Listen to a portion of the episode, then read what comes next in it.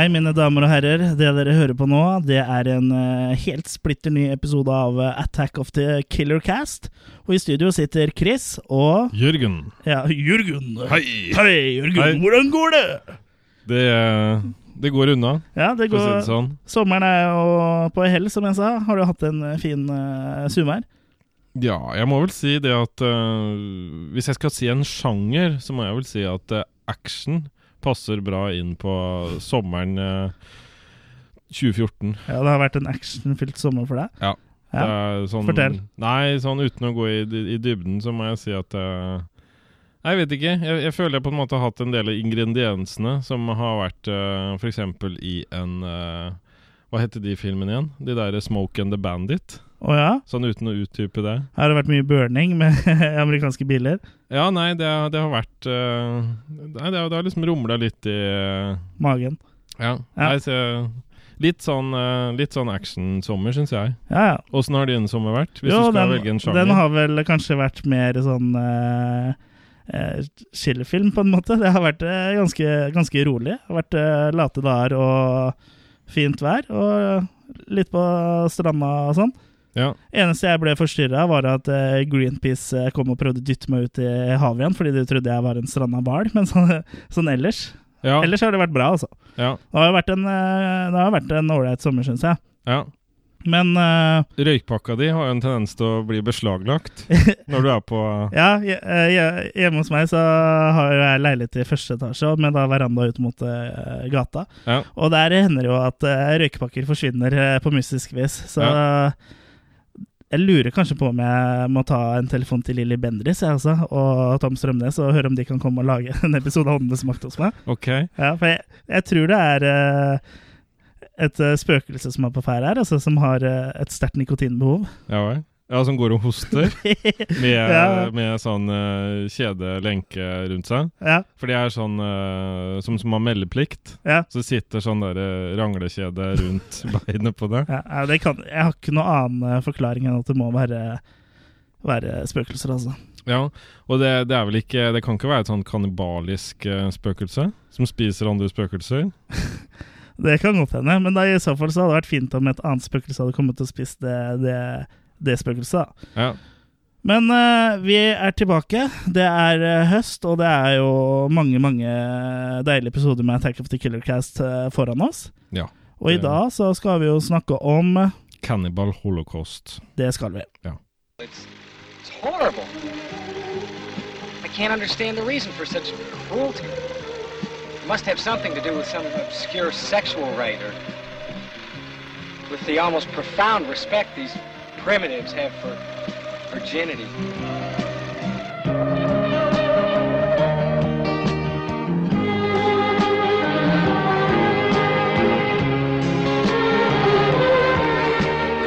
Og Cannibal Holocaust det er jo ikke en film som er helt uten eh, kontrovers. Nei. Nei, det fins vel knapt en film eh, som er så kontroversiell som eh, Cannibal Holocaust, egentlig. Her ble det dratt fram eh, mye rart. Ja, Med alt fra autentiske dyredrap til beskyldninger om å ha drept mennesker på ordentlig foran kamera. Snøff. Ja, En uh, film som eh, fortsatt den dag i dag er forbudt uh, i flere land. Og filmen er altså Rugero Deodatos andre film i hans kannibaltrilogi, 'Cannibal Holocaust'. Og denne filmen kom jo etter The Last Cannibal World. Ja, Som kom i 1977, som heter 'Ultimo Mondo Cannibale' på italiensk. Ja. Uh, I hvert fall sånn den heter på min italiensk. Og han Ruggero Deodato hadde jo ikke da egentlig tenkt til å øh, sporenstreks lage en ny kannibalfilm. Han laga jo da andre filmer imellom, Ja. men så ble han jo da på en måte gira på om at uh, han burde gjøre det. Og det Ja. var både pengeinteresser både fra Japan og Tyskland, Ja. etter jeg har skjønt, som spytta inn og kom igjen, kom igjen, vi, vi må ha mer. vi må ha en etterfølger. Ja, Og, og, det, og det fikk de. Altså, ingen av de tre filmene har jo egentlig noe med hverandre å gjøre, annet enn at de er kannibalfilmer fra samme regissør. ja, Men av de tre filmene så er jo ikke noen tvil om at det er Cannibal Holocaust som både er mest kjent, og som også er eh, best, ja. vil jeg Det- tørre å påstå. Her var det noe nytt. Mm. Og den er jo Den har jo fått mye PR for de som var litt inne på, at den er uh, forbudt. Og den uh, ble totalforbudt i over 50 land etter release, inkludert Norge. Det, det var vel kanskje ikke overraskende? Nei. Den ble faktisk ikke lovlig i Norge igjen før i 2003, og ble vel utgitt for første gang uh, uklippa i 2005, så vidt jeg har forstått. Ja, Det viser vel hvor lang tid egentlig ting tar, selv i vår, vår tid, velger jeg å si. Ja, ja, det tok jo veldig lang tid. Og Cannibal Holocaust var jo også et, uh, veldig sentral i debatten om eh, videovold i Norge på 80-tallet, og ellers også i Sverige og i England. Ja, for det var jo dette Ja, videovold-begrepet. videovold. Det var liksom VHS-video som var den store stygge ulven eh, på 80-tallet. Ja. Det som uh, man, på mange måter dataspill og videospill har liksom overtatt uh, nå i de senere år, så er jo, de, er det jo dataspillene som er liksom uh, grunn til bekymring her. Den onde. Ja, for det er jo da, dataspill driver folk til vold og drap. Sånn er, sånn er det bare. Ja. det det veit du jo. Ja. Men som eh, sagt, Cannibal Holocaust er eh, en av de mest kontroversielle filmene, og som eh, vi var litt inne på, så er det jo dyredrapa som er, er det første som egentlig kommer, til, kommer i tankene her. Ja. For dyr drepes jo eh, på kamera. Og det på tross av at det var ikke, i hvert fall ikke i Italia, noen spesiell lov mot dyredrap. Nei, da, da var det ikke det. Og og i hvert fall ikke i landet de spilte det inn, eh, midt i Amazonas-jungelen. For det eneste var vel at du kunne ikke introdusere det her med tyrefekting i Italia, eller noe sånt, tror jeg det var. Ja, det var, en sånn de hadde å gammel type etter. lov. Ja. Ja. ja, det var den loven som, eh, som de da gikk etter når de fikk da forbudt denne filmen i Italia. Ja. Men uh, de dyredrapa, da, det, de er jo autentiske, og det er det er ganske brutalt å se på, men uh, det skjer jo relativt uh, fort, så det er mer det tanken at man vet at dyret ble drept på ordentlig, er liksom Er det, er det ille her, da? Og, og sammen med de da ekte bildene av eh, dyredrap, så, og at det er en sånn autentisk kameraføring For hele andre del av filmen er jo håndholdt. Og gjør jo liksom at alt annet blir ekstra mer realistisk òg. Så de vanlige iscenesatte voldsscenene, de, de blir jo også de får jo også et snev mer av realisme over seg. Så det det er jo ikke rart at eh, de trodde på den tida, tiden at kanskje folk ble drept på ordentlig i den filmen her. Jeg bare tenker sånn at eh, Ikke at jeg støtter dyrdrap på film, men så fort det er på en måte dyr som dreper dyr, så gjør det ingenting. Nei, Det er så fort det er menneske dreper dyr, som på en måte det blir debatt rundt det. Ja, ja, det er jo det, og vi dreper et dyr hver dag for å spise dem, så det er jo ikke noe Det er ikke sånn veldig forskjell på det. Nei. Men det er klart, å drepe et dyr for å bli underholdt av det, det er jo én En ting, men her- I Cannibal Holocaust så er det jo egentlig bare med på å underbygge historien, da. Men i og med at uh, den uh, virka så realistisk, så ble jo også som vi, eh, Deodato, som vi var litt inne på, arrestert, mistenkt for å ha drept skuespillerne på ekte, fordi de trodde han hadde laga en snøff-film. Ja. Og for å gjøre ting litt verre, så hadde jo Deodato Han gjort en viss deal. ja, med de fire skuespillerne som blir drept i filmen, Ja. en deal om at de skulle holde seg unna søkelyset og andre filmer i et år etter filmens utgivelse. For å skape enda mer eh, troverdighet, og i tillegg til at han sier vel også det i et intervju, at han kunne ikke tenke seg da heller å bruke dem før i løpet av et år igjen. Nei, ikke At han følte på en måte at de var oppbrukt for en tid Ja. med det prosjektet her. Så med da den eh, realistiske eh, dyrevolden og iscenesatte volden og måten det er filma på, og at de ikke har sett snurten av skuespilleren på en stund, førte jo til at eh, myndighetene i Italia ble, ble veldig skeptiske til det her. Du har drept folk, eh, du mister Deodato på film. Så han måtte Det jo er ikke få, bra. nei, han måtte jo få samla de her, da. Og fikk dem eh, til å komme på et talkshow. Og, og, og da ble dommerne overbevist, da. Ja, Ja. da løsna det litt. Ja. Men filmen ble jo likevel eh, forbudt, da. Som, eh, som du nevnte, så ble den eh, pga. dyredrapa, pga. den gamle tyrefekterloven om at tyrefekting ikke skulle introduseres i Italia. ja. For det er jo mye strengere lover rundt det her i dag. Og tyrefekting er jo en annen ting. Det er jo, det er jo bare dritt. Ja. Det er jo Det er Det er jo dyreplaging med publikum, rett og slett. Ja. Det, er jo, det er jo ikke noe annet enn det. Så det vil, Og, og derfor er det så rart at en sånn lov på en måte fikk lov å på en måte bli connecta med det Ja. filmen ble felt på. ja, ja. For her var det jo ikke snakk om pining av dyr. ja men her ville, Sånn. her ville de jo få filmen forbudt, så de eh, strakk seg ut til strå Ja. og- for å bare finne et eller annet som var sånn løst connecta opp mot det. Men uh, tyrefekting, det syns ikke jeg noe om. Altså det, jeg, jeg vil si at tyrefekting, det fordømmer jeg. Tommel ned. Tommel ned. Det Ja. er, det er noe dritt og helt unødvendig. Ja. Da burde i hvert fall tyrefekter og okse stilt på samme premiss. ja, at de også kunne Ja, henge opp sånne røde greier. ja. ja, men de Røde bruker jo spyd og sånn. Ja, altså. nei, jeg syns det er makabert. Jeg har ikke noe sansen for det. Si hvis tyrefekteren ikke hadde hatt spyd eller noen ting, da på en måte løpt rundt, det, det hadde vært bedre. Litt mer sånn Jackass-varianten. ja, Ja. ja, Jackass på Det hadde vært bra. At dyret har en sjanse. Men etter det jeg forstår, så går det ikke da mer enn eh, Jeg tror det er tre år det går. Ja, hvor han kjemper da mot eh, det italienske rettsvesenet. Ja. Og da til slutt så får han jo lov til å gi den ut da i Italia, eh, mot at eh, filmen blir klippa om, og får 18-årsgrense. Og da tar de vekk de dyrescenene. Ja, det er jo stort sett det dyrescenene som er tatt bort der. Det er jo også det som er greia med Cannibal Holocaust, er at det finnes så utrolig mange versjoner. Så utrolig mange cuts av filmen, da. Og det finnes jo versjoner hvor dyredrapene er helt klippa bort. Og så fins også versjonene hvor uh, den dokumentaren som man ser klipp av sånn midtveis ut i filmen omtrent, uh, Last Road to Hell, som da er av varierende lengde, Og så har du den versjonen hvor kannibalene helt er klippa bort. Ja, hvor det, hvor det bare handler om uh, folk som er på tur i skogen. Ja.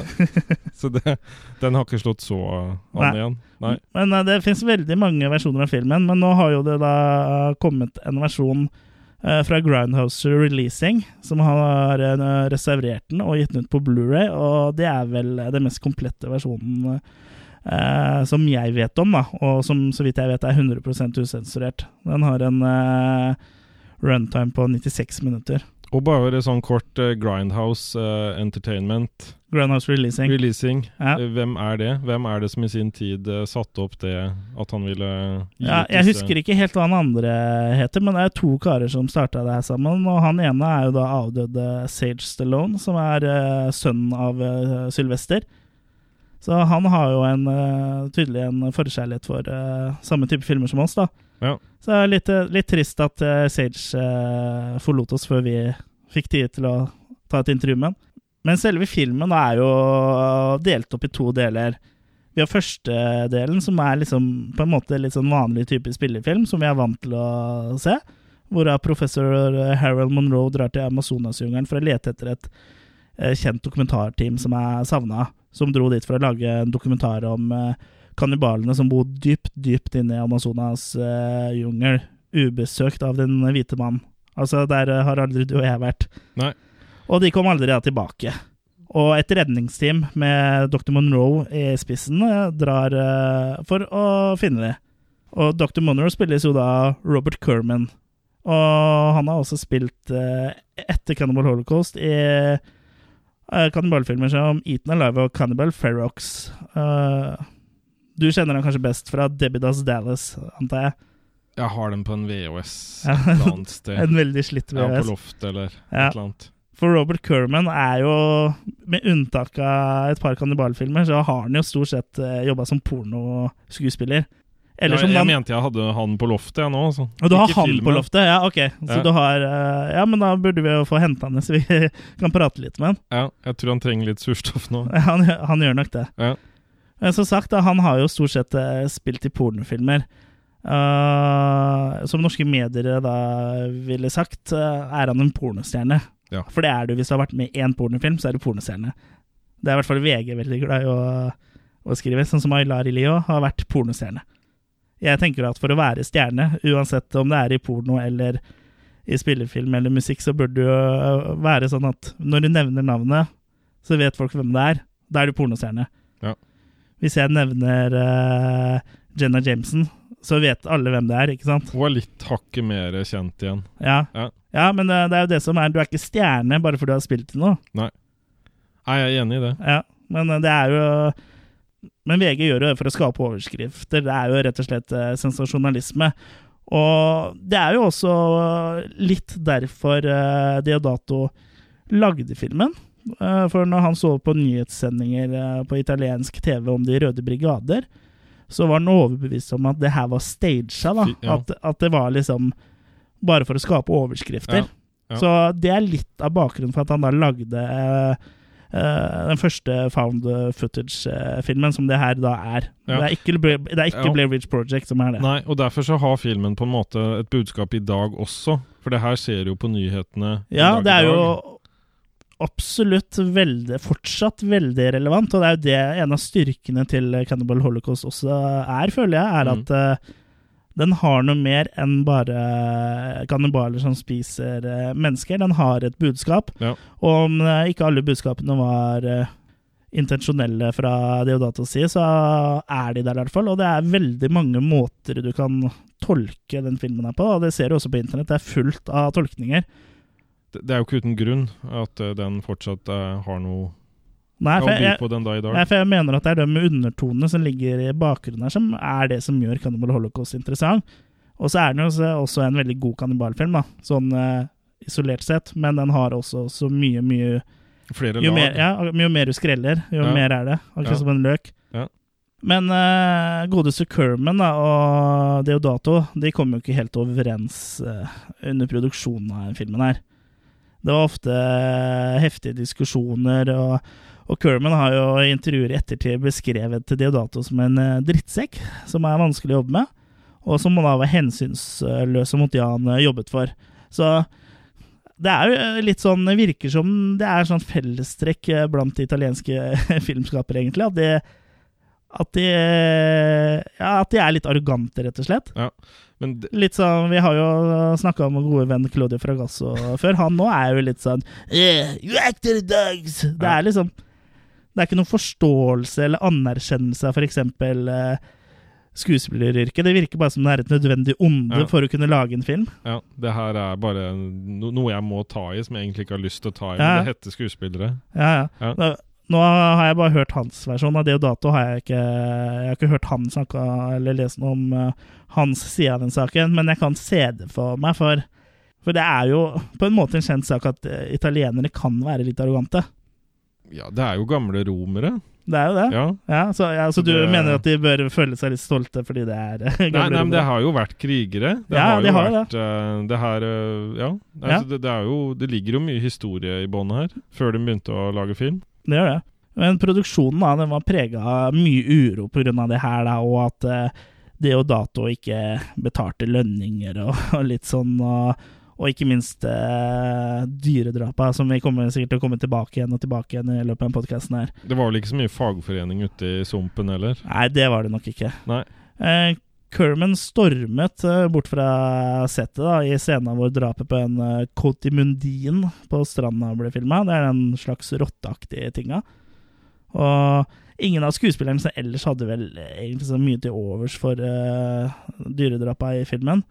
Uh, det kommer vi helt sikkert tilbake til litt senere. Det ligger jo egentlig på en måte sånn Det, det, det er jo det som gir også filmen ekthet også. At du ser på Monroe, han virker på en måte ofte tidvis bekymra. Han Ja, ja. Det virker veldig ekte. Ja, Og det kan jo være blant eh, en del ting som han da opplever som ganske bestialsk og urettferdig. Bare at det var ikke bare det i filmen, men det var også Ja. det forholdet til regissøren. Da. ja at det kommer litt gjennom det. Og det, Ja. det funker jo bare. Han spiller jo veldig bra. Ja, til det. å være en uh, pornoskuespiller. Ja. Det var derfor også han ble brukt en del i porno, og var at, at han uh, kunne spille, da. Ja, så han fikk jo ingen kjærlighetsscener her, kanskje med vilje. Så det, ja, det, det fikk han jo ikke lov til. Det hadde tatt sikkert litt vekk, er liksom bare- konsentrasjon vekk. Ja, ja. Ja. Eller, ja. Men det tar jo ikke lang tid da, før redningsteamet, som består da av Monroe, guiden Chaco og en litt yngre guide Miguel, og de har jo med seg da en ung Yakomo-kar som de har tatt til fange. eh, Som da er en eh, stamme som bor inne i jungelen. Og den, eh, Det er ikke en kannibalstamme, men en annen stamme som da bor i nærheten. Og da ramler det Chaco bokstavelig talt over eh, guiden da, som det dokumentarcrewet hadde med seg. Og han er, ligger jo der og er eh, Ja, det er jo ikke så mye igjen av han.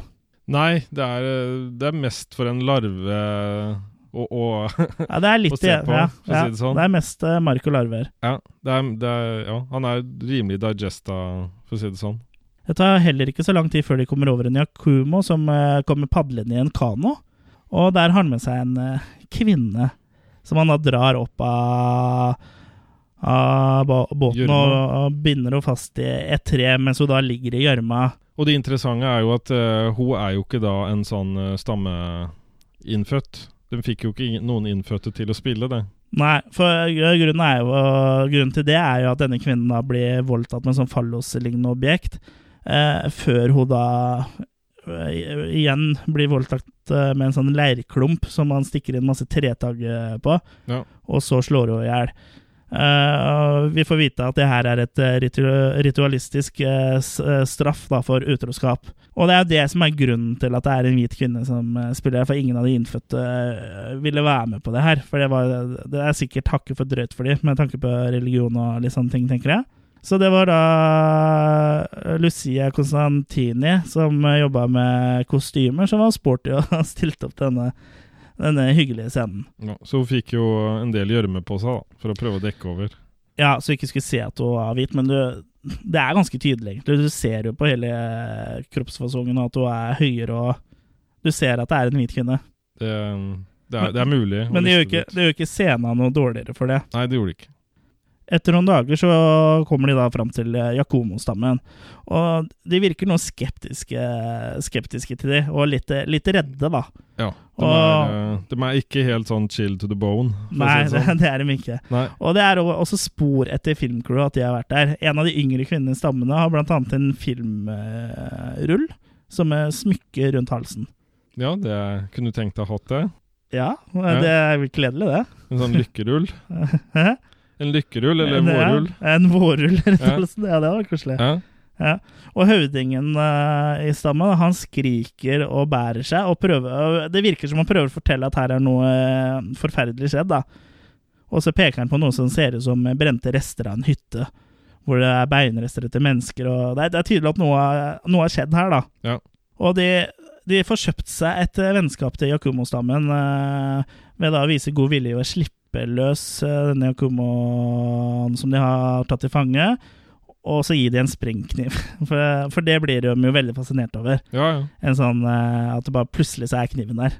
Så de, de får jo eh, overnatte i landsbyen, da. Det de Hun spiser bl.a. noe sånn hvit, eh, hvit gugge der. Ja, og det, da tenkte jeg på bad taste når jeg så Ja. det her. Bare at det var ikke grønt. Ja. Det var hvitt, men jeg fikk litt samme For, for den litt artige måten det blir servert på det her, er at de, de Yakumo-kvinnene sitter jo da med de bollene og så liksom tar litt i kjeften og så liksom tygger litt og spytter ut i bollen igjen, og så gir de det til eh, de som de kan spise. Så det ja, Litt bad taste eh, slash Kristoffer Schou. eh, ja. Men hva, hva tenker du om det, Jørgen? Ferdigtygd eh, mat? Tygd av uh, stammekvinne? Jeg tenker lettvint. Ja. Jeg tenker at uh, enda en ting mindre å bekymre seg over. Jeg tenker at det, det her er en idé for Fjordland. Ja, ja. Stammetygd uh, ferdigmat. ja, ja. Det, det, ja men det hadde kanskje vært lukrativt. Ja, det hadde vært lukrativt. Ja. Vi, vi tygger for deg. Nei, men det, ja, men det blir jo sånn etter hvert at man er litt redd for å tygge på noe hardt og sånn. Ja, Så det er jo greit om noen andre har gjort det på forhånd. Ja. Eh, Dagen etter da, så beveger eh, teamet seg videre og dypere inn i jungelen. Og da kommer de over en gruppe med shamatari-krigere som eh, prøver å røyke ut noen yamamomoer fra trærne. Og dypt inne i jungelen er det to stammer. Det er yamamoene, og så er det shamatari. Og de to da er da rivaliserende stammer som er ka kannibaler. De spiser ikke hverandre, men de spiser eh, For eh, hverandre så er de fritt vilt, da. Så de spiser ikke sine egne, men uh, De tar gjerne de. en uh, bit av den andre. Ja, de gjør det. Ja. Så det er tremenneskene og svampmenneskene. Ja, Ja. ja Sumpmenneskene. De, de, har ikke, de har ikke svamp. Svampebob, Ja, det er svampebob. han bor her. Ja. Ja. Eh, etter å ha skremt bort eh, shamatari-krigerne ved å skyte litt i lufta og sånn, så får de da innpass hos uh, yamamonene. ja, for de blir jo alliert, dem da, med yamamonene. Ja, men de også er skeptiske og redde for uh, Monroe og kompani, da. Akkurat som Yakumoene var. Så hva er det som egentlig har skjedd? Og en teknikk da Monroe prøver for å nettopp prøve å komme litt tettere på det, denne sammen, da, er å prøve å bli likere Likere de, da. Så Ja. gjør han eh, som han har gjort i så mange andre filmer før. Ja. Han tar av seg klærne, Ja. og, og, og så går han ut i vannet, da. Ja. Eh, og det virker. ja, det kommer damer. Ja, det kommer da en hel haug med frilydte Yamamomo-kvinner. kommer løpende og bader, og de er jo veldig Jeg syns jo det her er moro. De flirer og ler, og de drar den litt i tissen og sånn. Og, og det jeg forstår som, det er at de blir leid inn fra et bordell, disse Ja. damene. Ja, det, det står vel på IMDb at de blir le- leid inn fra et lokalt bordell. Ja, Så jeg bare tenker, hvor lokalt er det bordellet? Er det et bordell inne i jungelen? ja. ja. Ja. Nei, det er det er, det er borte Det er tre, tre trær bort der. Ja, med, og så Hvis du ser en tiger, da har du gått for langt. Da må Ja, ja. du snu og gå tilbake til du ser en flodhest. Ja. Da er det tredje tre til venstre. Ja, men det, det beviser vel bare at sånn virksomhet øh, finner alltid et sted å drive. Ja, det gjør det jo. Enten det og det er jo sikkert det er. ikke så veldig langt til nærmeste eh, litt mer siviliserte på en måte landsby heller, hvor de har hørt om bensin og sånne ting. bensin og bordell. Bensin og bordell. Det er det de har. Ja. Eh, men, men som sagt, det funker, da. Og de damene tar jo han med opp fra vannet og leder han eh, gjennom jungelen. Og ender da opp eh, ved et slags eh, bisarr eh, alter, som da er laga av restene etter det som viser seg å være filmcrewet. Ja, Der er ser du sånn- alle hodeskallene, fire hodeskaller, og så ser du benrester, og så henger det jo de to 16 mm-kameraene henger jo også på på dette fugleskremselet som de har laga, da. Ja, nesten en litt sånn totempele. Ja. Bare at med hodeskaller og Ja, ettersom jeg har forstått det, så er det da for et forsøk på å liksom øh, jage bort øh, de onde åndene fra jungelen, da. Ja, som, eh, som, ja, som da disse menneskene representerte. Ja. Det her kan Lilly Bendriss. Det her kan Lille Bendriss. Ja.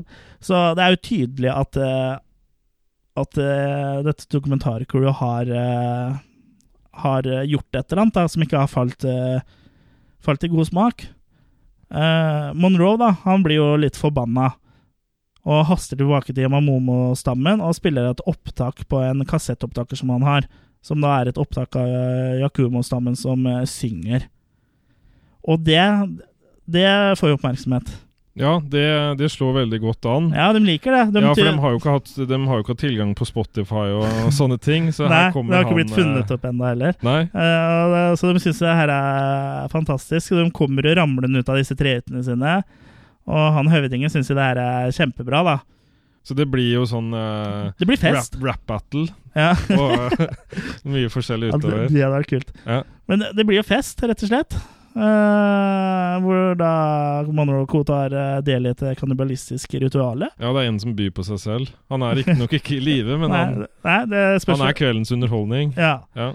Uh, og da må han jo smake på menneskekjøtt. Eller organet, det indre organet, da. Ja. Som uh, innmaten, liksom. Ja. For det er, jo det det som virker som er delikatessen. Det, og det er jo der det er mest næring òg. Ja, og de eh, Ja, du tenker at det er mer sånn bare rent helse helseperspektiv? Ja. ja. At de på en måte Nei, men- Nok proteiner Men du ser jo på dyr som eh, hunder og sånn, og de liker jo innmat best, liksom. De liker lever og lunger, og de liker jo det liksom bedre enn eh, enn rene kjøttstykker som Ja. vi da gjerne foretrekker. Så det, Det det er litt smak i. Ja, Ja. Så, og det er jo der også næringa ligger, da, ettersom jeg har forstått. Nå, har jeg, nå spiser ikke jeg så mye innmat lenger, altså, for å være helt ærlig. Det, jeg spiser sikkert litt som da jeg klemmer sammen i en sånn pølseform og kokt. Det, der er det vel litt innmat, Ja. kanskje. Give me something with parasites. Give me it. something with parasite. Ja. You want ketchup on that? Ja. Nei, så det, det løsner jo på denne såkalte skruen, da. For at Ja. de får med seg da filmrullene. ja, for han oppdager jo at filmrullene henger i et uh, tre der. Eh, mens han da spiser eh, menneske. Ja.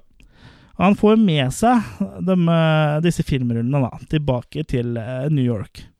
Og der eh, bestemmer jo da TV-selskapet at eh, på tross av at teamet er avgått ved døden, så vil de sende dette på lufta. De vil lage en dokumentar. Det er den der sensasjonslysten Ja, igjen. Der er sensasjonslysten Sensasjonskåtheten.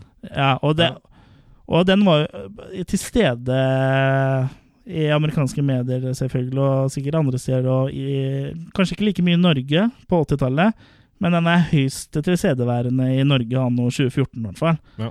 Og ellers i verden òg, så er det jo Det er jo sensasjon, sensasjon, sensasjon. Og det er jo ofte, vil jeg tro, da, at uh, ting uh, Man unnlater å fortelle ting bare for at sensasjonen skal være enda mer sens sensasjonell.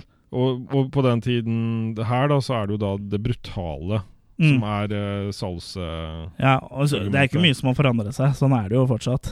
Eh, men Mon eh, Monroe, da. eh, Han vil jo TV-selskapet vil jo at han da skal være en eh, programleder eh, for dette her.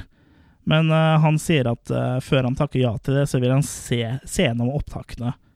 Ja, I tillegg så prøver de å overbevise litt med å vise den såkalte filmstilen da, som han har eh, lagt seg til, han Yates. Ja, Å vise da den som er regissøren i filmen. Ja. Ja. Ja, og de viser da han da The Last Road to Hell, ja, som det er det forrige dokumentaret til teamet. Hvor eh, han da blir fortalt at eh, det var ikke uvanlig at eh, Yates og kompani iscenesatte henrettelser, da, som de gjorde i Last Road to Hell, for å få mer sensasjonelt materiale, for å få noe som skapte overskrifter. Ja. Så veldig uetisk. Men jeg skal banne på at det har skjedd på ordentlig. Det har garantert skjedd.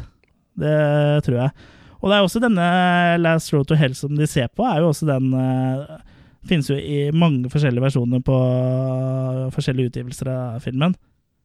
Hvor den er da korta litt ned, og den er litt uh, lengre. Og, og hvorfor den har blitt klippa så mye, det vet jeg ikke. Men det er noen nærbilder av noen døde eh, folk og noe greier Ja, som er klippa bort i eh, noen versjoner. Det blir sikkert følsomt. Ja, for det er Ettersom jeg forstår, så er det faktisk eh, ekte henrettelser. Det vi får sett i The Last Road to Hell.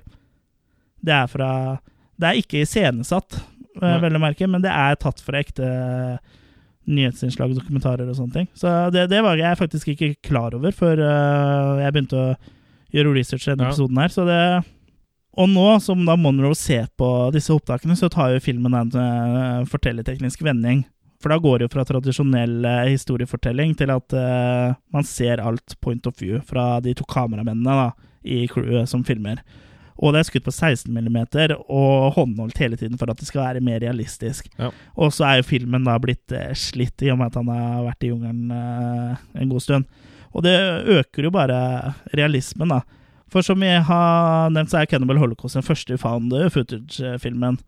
Og found footage-sjangeren fikk jo en eh, virkelig oppblomstring igjen på 2000-tallet, da Paranormal Activity kom. Og den fikk jo ja, Han har jo fått fem-seks oppfølgere, tror jeg. Og så har han jo også mange andre filmer som uh, Wreck og sånn, som uh, kjører samme fortellerstil. da hvor alt liksom er vist gjennom uh, opptak som er, da er funnet. Ja.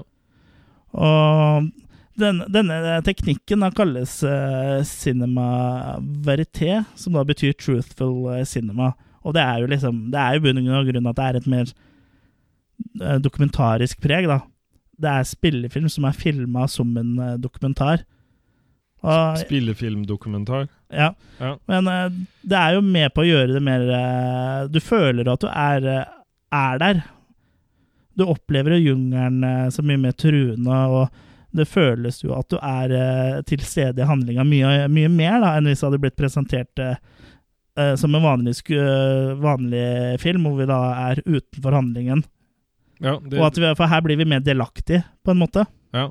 det var jo særlig her også Diodato fikk eh, de største komplimentene fra Sergio Leone. Ja, for Sergio Leone hadde jo sett den filmen her eh, før den ble gitt ut, og han syntes jo det her var et eh, At siste halvdel er et mes cinematisk mesterverk. Ja. Men du, Han kommer, spådde, du ja. kommer til å få problemer. Ja, Han spådde at Ja. det her ble for ekte. At det her trodde han eh, ikke kom til å gå bra. Han eh, hadde jo rett i det. Men uh, la oss da snakke litt om uh, dette dokumentarcrewet, da. I, I spissen så har vi da Alan Yates, uh, som da er eh, filmens eh, regissør. Og han spilles da av Gabriel eh, York. Ja. Og der eh, hadde jeg litt sånn artig sak. Ja. Fun, fact.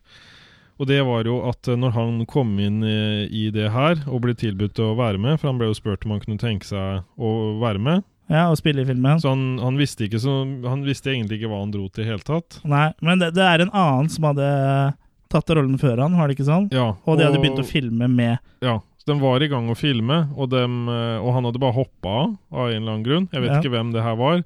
Så når Det han kan jo ha vært litt med Deodato å gjøre, kanskje? Eller, Konfrontasjonene ja. Ja. Det er med det, deodatoene, eller med årstall. Jeg vet ikke. Det er enten med årstall eller deodatoene. ja. Ja. At det var tida på året og sånn. Men eh, i hvert fall, det som var litt morsomt, da, det var når Gabriel da kommer på på intervju på, Ja. på, på, På audition. på audition, uh, er at uh, han blir spurt med en gang åssen skostørrelse han har. ja. Så han uh, sier noe sånn som 10,5 inch eller et eller annet sånn. Ja. Kan det stemme? ja, det blir vel en sånn eh, 44 omtrent, tror jeg. Ja. Ja, så Han stusser vel kanskje litt på det, men ellers så 43,5, ja. Ellers så snur jo uh, Han uh, blir jo sittende i et rom alene, men så snur han uh, som skal avgjøre det her, han snur og ser liksom på resumeet og sånn forskjellig, for han blir bedt bare om å vente. ja. Men så koker det ned til at han får den rollen her. Hvorfor fikk han den rollen? Nei, på grunn av skostørrelsen, Ja. antagelig. Ja, For det passa da at de hadde kjøpt inn kostyme Ja, ja. ferdig til han de hadde filma først. ja, så da kunne bare overta kostymet til eh, han som uh, egentlig skulle ha spilt uh, Alan Yates. Ja. Så enkelt og greit. Ja. Uh, og vi har jo også i crewet da kjæresten til Alan Yates, eh, som også da fungerer som script girl, Faye Daniels, som da blir spilt av italienske Francesca Chiardi. Ja. Og så Script babe. Script babe, Ja, Ja. hun ser jo ikke så gæren ut. Nei, Nei, hun gjør ikke det. ikke da. Nei, hun ser vel litt uh, Hun ser vel ikke like bra ut en dag i dag, men eh, hun har vel holdt seg relativt uh, godt, vil jeg si. Det er ikke noe Jeg har sett verre tilfeller. Ja. Ja. Og så har vi da de to kamerafolka, da. Jack, Jack Anders, Anders. som er spilt av Peri Pirkanen, som er Det er ikke da Pirka, men det Nei. er Pirkanen. Ja, Ja. Pirkanen, som da også har spilt i Cannibal Ferox og City of the Living Dead. Og både i den filmen her og Cannibal Ferox uh, i hvert fall, så sporter han en ganske fin uh, blond eh, mustasje, vil jeg si. Han ser ut som en litt sånn sliten actionhelt, eller Ja, litt noe sånn, sånt. litt sånn avdanka. Sånn, Ja. Uh, ja. Det var det, ja, At han var på en måte på reservebenken eller sånn. ja, ja. Ja, Litt Innbyt, sånn, ja. Innbytter. ja. Og så har vi da kameramann nummer to som heter Mark Tomaso, som spilles av Luca Barbareschi, eller hvordan man uttaler det. Det, det er Barbarechi. Barbarechi. Ja.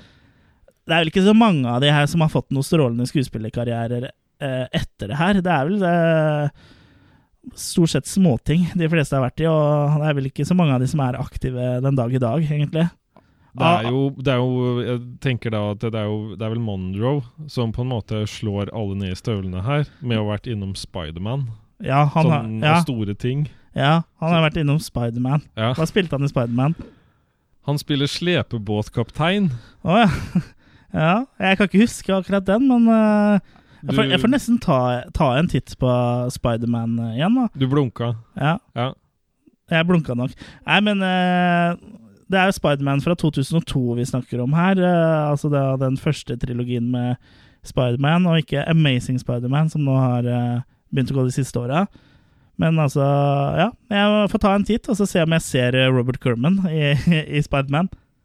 Der er jo også Bruce Campbell, så det er jo, det er jo litt av en eh, gjeng som er samla i Ja. eh, Spiderman. Det, det må jeg si. Ja.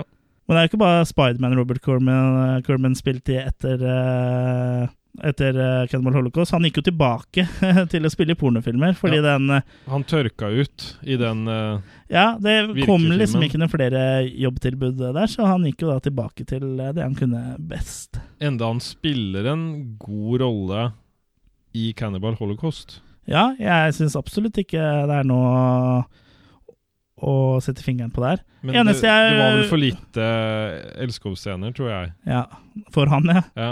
Det eneste jeg undrer meg litt over, er at eh, det står at han er den eneste som har blitt dubba i filmen. ja, Så hvorfor er han dubba? For han er jo amerikansk. Så det, det, det, det er spesielt. Det skjønner jeg ikke. Og jeg har heller ikke fått med meg hvem som er stemmen hans, men uh, Nei, og der har jeg en liten sånn uh, ting som ikke jeg kan på en måte backe opp, uh, annet enn at jeg har jo sett mye Bud Spencer i mitt liv, ja. og Terence Hill. Ja. Og eh, for meg så høres det ut som en kjent dubbestemme Ok. som har blitt brukt. Som er en av de som også har vært stemmeskuespillere i Bud Spencer og Terence Hill-filmene. For der òg var det en del eh, dubbing på. Ja, Så det virker som en, eh, en fast uh, Ja. italiensk uh, gardsmann. Det kan godt hende, altså, for det, er, det var ikke mange som satt og dubba disse filmene. Nei. Så du er nok inne på noe der. Ja, Men hvorfor han ble dubba, det det vites ikke. Hvis noen vet det, Ta så, kontakt. så snap eh, Chris. På det. Send en snap til meg. Ja, Send enten da til Mikrolokk, som er meg, eller til Chris, som er Bare Chris. Ja. Det Vi ser, ser frem til å få snaps fra dere. ja. Og hvis det er noen eh, veldreide kvinnelige lyttere som hører på, så kan- send gjerne noen snaps av dere selv også. Det, det, det, det må være lov å, å øh, ytre et ønske om det her, eller? Den gikk, den gikk til hodet på deg, den siste ramløsene der, tror jeg. Ja, den gjorde Ja. det. Ja, men disse opptakene, da. Det er, de ser ikke så langt ut i opptakene før vi da kommer til eh, skilpaddescena. Hvor da crewet, kameracrewet dreper en eh, skilpadde på ekte. Og det er jo en ganske brutal eh, og jævlig scene. Og du ser at uh, karakteren Faye hun blir litt dårlig og setter seg litt bortenfor og vil liksom ikke ha noe med det her å gjøre, da, og spyr litt og, Ja. og sånn. Mens de da tar og skjærer halsen av denne skilpadden og parterer den, mens som fortsatt har litt sånn her uh, Det er veldig overgrep. Mm, det er Ja. et veldig overgrep, men Ja. skilpadda dør jo fort. Men det som gjør det så sterkt, er liksom at at det dras jo ut. Det tar, de bruker mye tid på det her, og de kutter av hodet først, og så kutter de av noen lemmer, og så tar de og åpner, brekker opp dette skallet, og, og det ble du litt eh, det- Det som var på innsida av skallet på en skilpadde, det ble du litt fascinert over.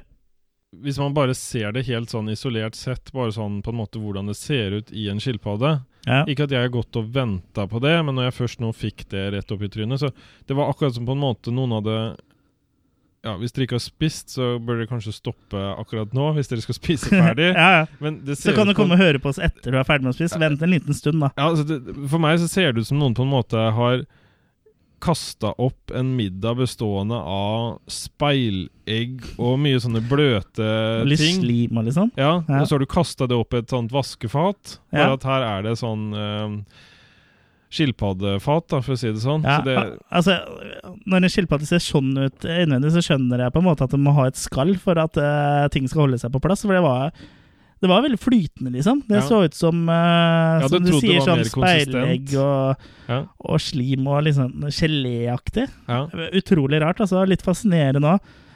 men det, det er den skilpaddescena som eh, gjør mest inntrykk av de dyredrapene, og det er fordi det eh, For egen del, da. Og det er fordi det, er, det, det brukes så lang tid på den, da. For de andre dyredrapene i filmen, der er det Det er relativt kjapt, uh, kjapt unnagjort, da. ja, det er den her de bruker mest uh, tid på. Ja. Men nå, fikk, eh, nå har jo den skilpadda her blitt uh, stjerna, da. Han har jo Han har jo fått eh, Jeg holdt på å si at han eh, hadde jo ikke levd en dag i dag, men det kan jo faktisk hende han hadde gjort, for skilpadder kan jo bli eh, flere hundre år gamle. 200 år eller noe, er det ikke det? Jo, det, det er et eller annet sånn Noe fjernt for meg med et eller annet med Litt avhengig av skilpaddesort, da. to, Tortuga eller et eller annet. Jeg har lest et eller annet sånn derre Donald et eller annet. Ja, ja. Med Tortuga med noe hatt Ja. eller noe sånn lue oppå Ja. er det et eller annet. Tortuga er vel spansk for skilpadde, tror jeg. Ja, Ja. så da, da var ikke det en helt feil eh, assosiasjon. Men de kan i hvert fall bli veldig gamle. Men uh, ja, den skilpadda her ble jo ikke så gammel. da. Jeg vet ikke hvor gammel den var i utgangspunktet. Nei. Så, men det var uansett trist å Ja. se åssen han endte sine dager. Og så uh, ser du senere at de da har grilla da, og så spiser en skilpadde. Er, eh, jeg tviler vel på om eh, disse vestlige skuespillerne faktisk spiste skilpadda. Tror du det? Jeg tror ikke det, altså. Nei, jeg tror ikke det. Til og med Faye tar seg vel en bit, og jeg tror ikke hun Francesca hadde spist skilpadde. Altså. Nei. Hvordan tror du skilpadde smaker? Det, det er jo et uh, Hva skal vi si for noe? Det, Det ser jo seigt ut, liksom. Det er jo sånn eh, Da tenker jeg på kjøtt også, ikke den speileggugga som er inni. Nei, det, det er vel Hva skal vi si for noe? Det, det går under en sånn um, maritim uh, Ja. sak. Ja. Jeg er jo allergisk Smak- mot skalldyr. Ja. Jeg lurer på om eh, skilpadde går under det. At det smaker Eller er det- salt? Ja, ja, For skilpadde har jo skall, men det er jo ikke en reke, liksom. Nei.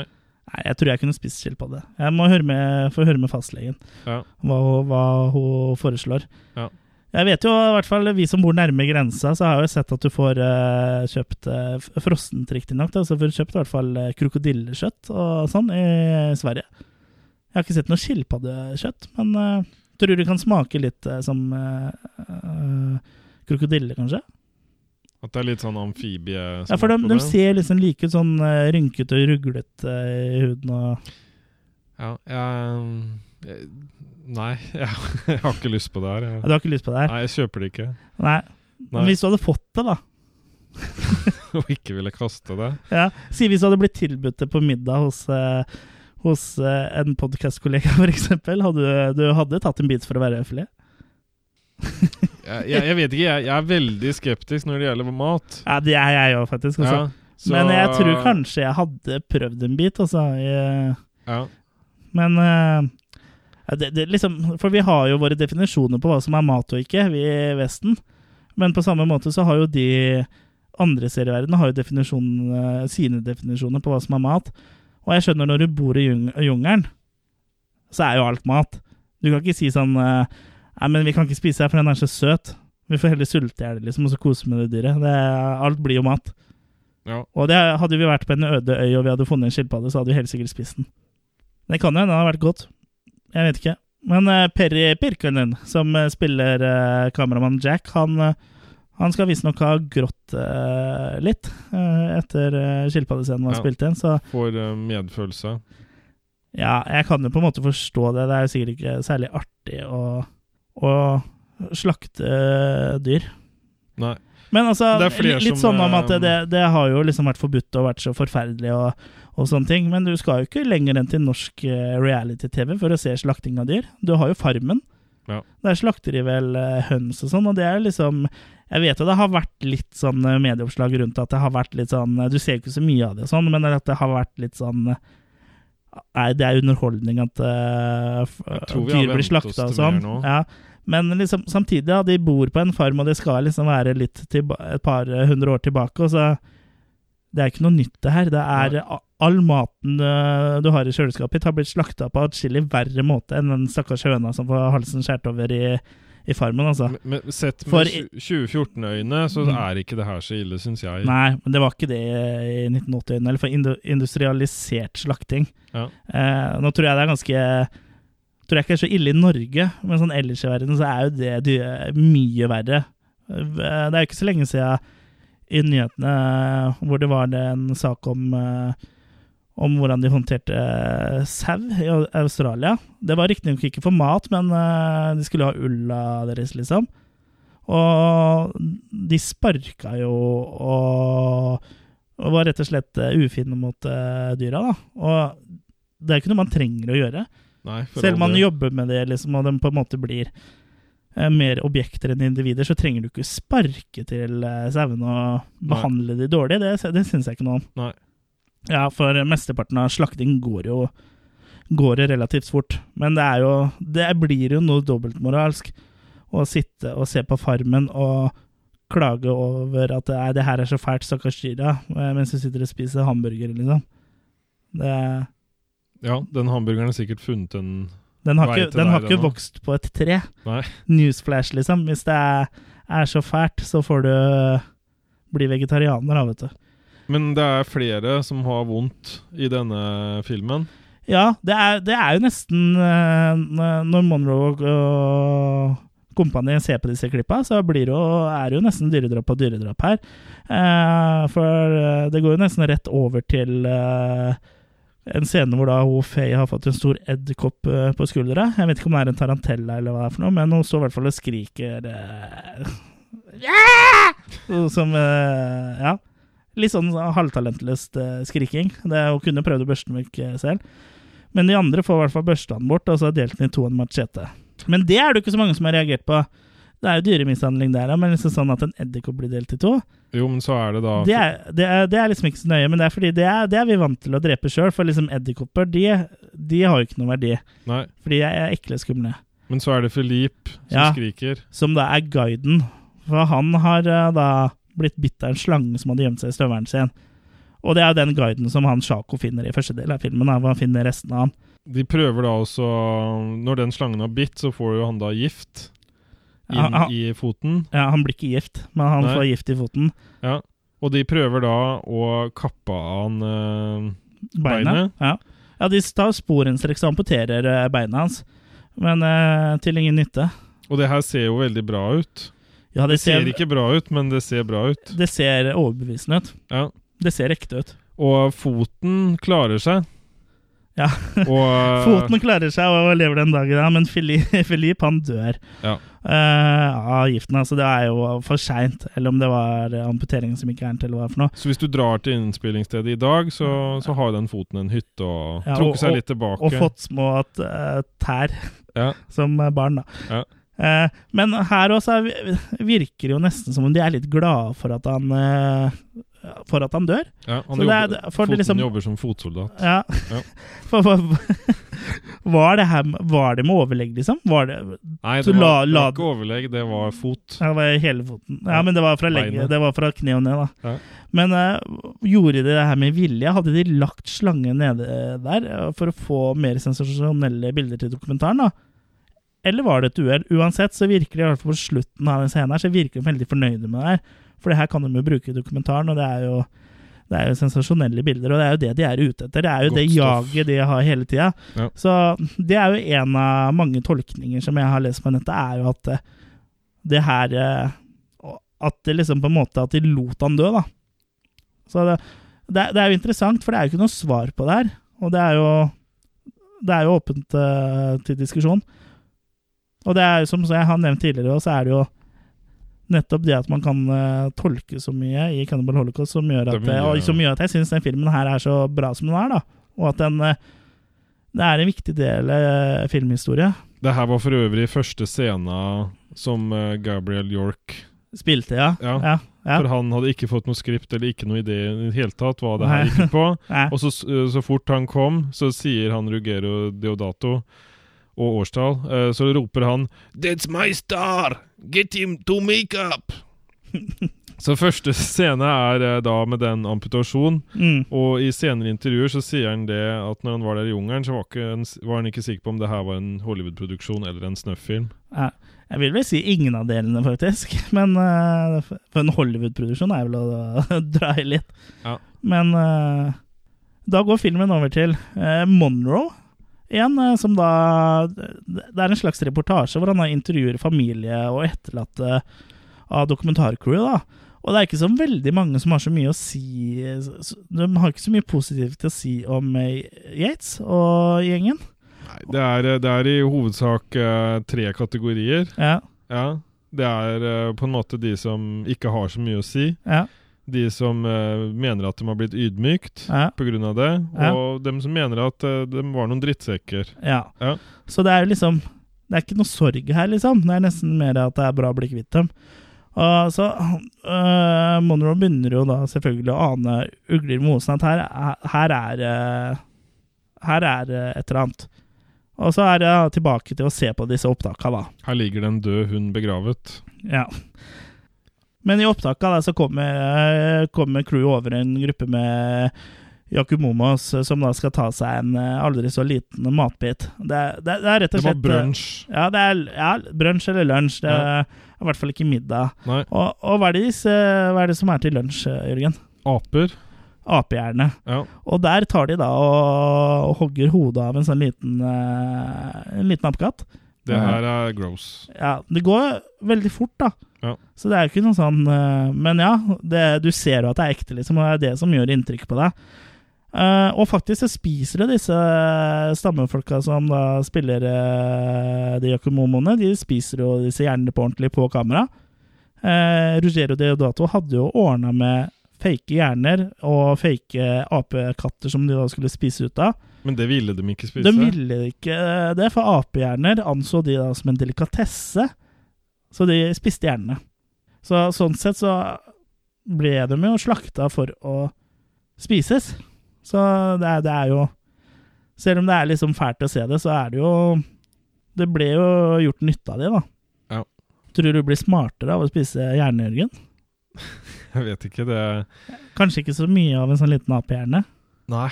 Ja. Eh, at det på en måte hever intelligensen. Er det du sier? Ja, Eller at du får mer lyst til å se på fotball hvis du spiser en fotballhjerne? ja Er det kanskje du mener? Ja. ja. Altså, Nei, det, ja. det tror jeg ikke noe på, men uh... Nei. Uansett, da. De filmer jo det her, for det er jo et uh, kameracrew først og fremst. Men de og deretter eh, artister. Men uh, allikevel så syns crewet, og sikkert særlig da Yates, at uh, her skjer det for lite. Her må vi eh, dra i gang noe. Ja, så de drar i gang en karaokekonkurranse. Ja. Nei, de skyter opp i De skyter vel for å skremme dem bort, og de treffer vel eh, faktisk eh, en kar også. Og det kan du jo fortelle at det gjør de, for at det da blir lettere å følge han tilbake til landsbyen, for da er han eh, treigere. ja, de vet hvem han er. De kan spore han på en måte. Ja, de Ja. bare følger etter den, de kjøter ikke GPS i den. Eh, Nei. Og da ankommer jo det etter hvert den samme landsbyen som vi så at uh, Monroe var i tidligere i filmen. Og de går rundt og filmer og dytter dette kameraet eh, langt eh, opp i trynene på folk der. Og de samme folka blir selvfølgelig livredde for det, for de skjønner ikke hva det er. Og noen bare løper jo ut i elva, og ja, folk er rett og slett litt eh, redde, da. Og det syns det skjer litt litt her, da, disse Her må folka. eh, Så må dra i gang litt. De må jazze opp litt her. Ja. Så da går de bort til en gris, da, eller villsvin, eller hva det er for noe, som er bindt fast i en liten stolpe. Det her antar jeg da er maten deres, og ikke et uh, kjæledyr. Og så bare skyter den i hodet. De ydmyker, uh, Ja, det er ganske respektløst, da. Det, det er jo maten deres. Og inn i kameraet så tar jo da Alan eh, en sånn standup hvor han da snakker til kamera, som da skal være til dokumentaren, da, hvor han snakker om at ja, sånn er det her i jungelen, det er survival of the fittest, og han liksom har en sånn uh, monolog der på en måte, da, og sier at sånn er, sånn er det, liksom. Men det er jo bare alt er jo iscenesatt og fjas av de. Og det begynner å dra seg på oppi det syke huet hans. Ja, og det, og det de gjør uh, nå, da, er at uh, de skyter i lufta for dem, så jager de mange, og faktisk tar de og tar barn og bærer med seg inn til en sånn hytte der, som de da tenner på. Ja. Og lar brenne ned med kvinner og barn og alt øh, mulig inni.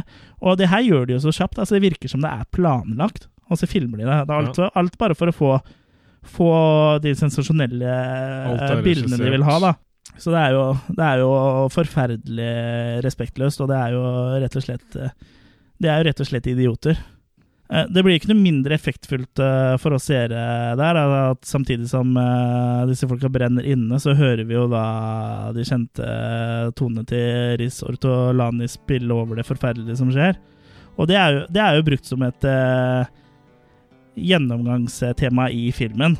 At uh, Som en kontrast til uh, det vi får se, da, som er ofte voldelig og moralsk forkastelig, så har du jo har du denne musikken det, ja, her, da. Det som er eh, Ja, som er veldig trivelig og koselig. Ja, som er liksom glad, gladaktig, liksom. Og det er jo Det er jo rett og slett eh, en eh, genistrek, syns jeg, å å komme på det da, og bruke sånn musikk til så forferdelige scener. Og det er jo et grep som mange har gjort i ettertid. Men den er jo samtidig på en måte noe trist over den. Ja, det, er jo noe trist, men den er Det jo er liksom melankolsk. Det er melankolsk også. Ja. Så den er ikke bare glad, men liksom, det funker Ja. veldig, veldig bra, da. Ja. Og det som er litt uh, artig, bare å nevne det sånn kort, det er at uh, folk har likt den melodien her så godt sånn ellers, at man faktisk gifta seg til noe sånn også. Bare for å nevne hvor sprøtt Ja. det her er med den sangen. ja, det er en låt som ligger nært hjertet til mange. Ja. Og selv syns jeg også at uh, musikken uh, i Cannibal Holocaust, det er halvparten, uh, syns jeg. Ja. Det gjør, kompletterer filmen, og det gjør at den blir uh, veldig, veldig mye bedre enn om de hadde hatt eh, sånn standard eh, ja, La meg kalle det skrekkfilmmusikk, da. Ja, for det, Deodato prøvde jo først å ha ingen musikk, og da syntes den det ble veldig virkningsfullt, så prøvde den med vanlig musikk. Ja, det syns han ødela litt. Ja, det nytta ikke. Og så skjønte han det at eh, etter å ha sett da Han hadde sett Mondo Kane, Mm, og der likte han musikken da veldig godt. mm. Og da ble han eh, dratt inn, han uh, Risortolani. Ja. Mm. Og han var jo ikke helt sikker Han turte ikke sjøl å ta kontakt med han Riss. Men han eh, fikk en til å ringe for seg, og det ble at han så for, filmen. For å spørre, spørre for den, liksom? Ja, vil du bli sammen med meg? ja. Nei, og så fikk han da på en måte et eh, helt uh, entydig ja da, fra han Riss, at han eh, Ja, et- ville lage musikken. Etter at de hadde sett eh, filmen uh Sett en uh, screening av filmen Ja. sammen. Han syns jo også filmen var fantastisk. Ja, han fikk veldig kudos. Ja. Ja. Ja, så det, du ser jo at liksom eh, De kunstneriske sjelene, sånn som Sergio Leone og Rizzo Tolani, de så jo filmen for det den var. De greide å se forbi uh, volden og all jævelskapen og se at det her var kunst. da. Ja. Så de, de Han lagde jo musikken til det, og bare uh, Rizzo Tolani, og så bare bidro til at det ble enda mer kunst. da. Mm.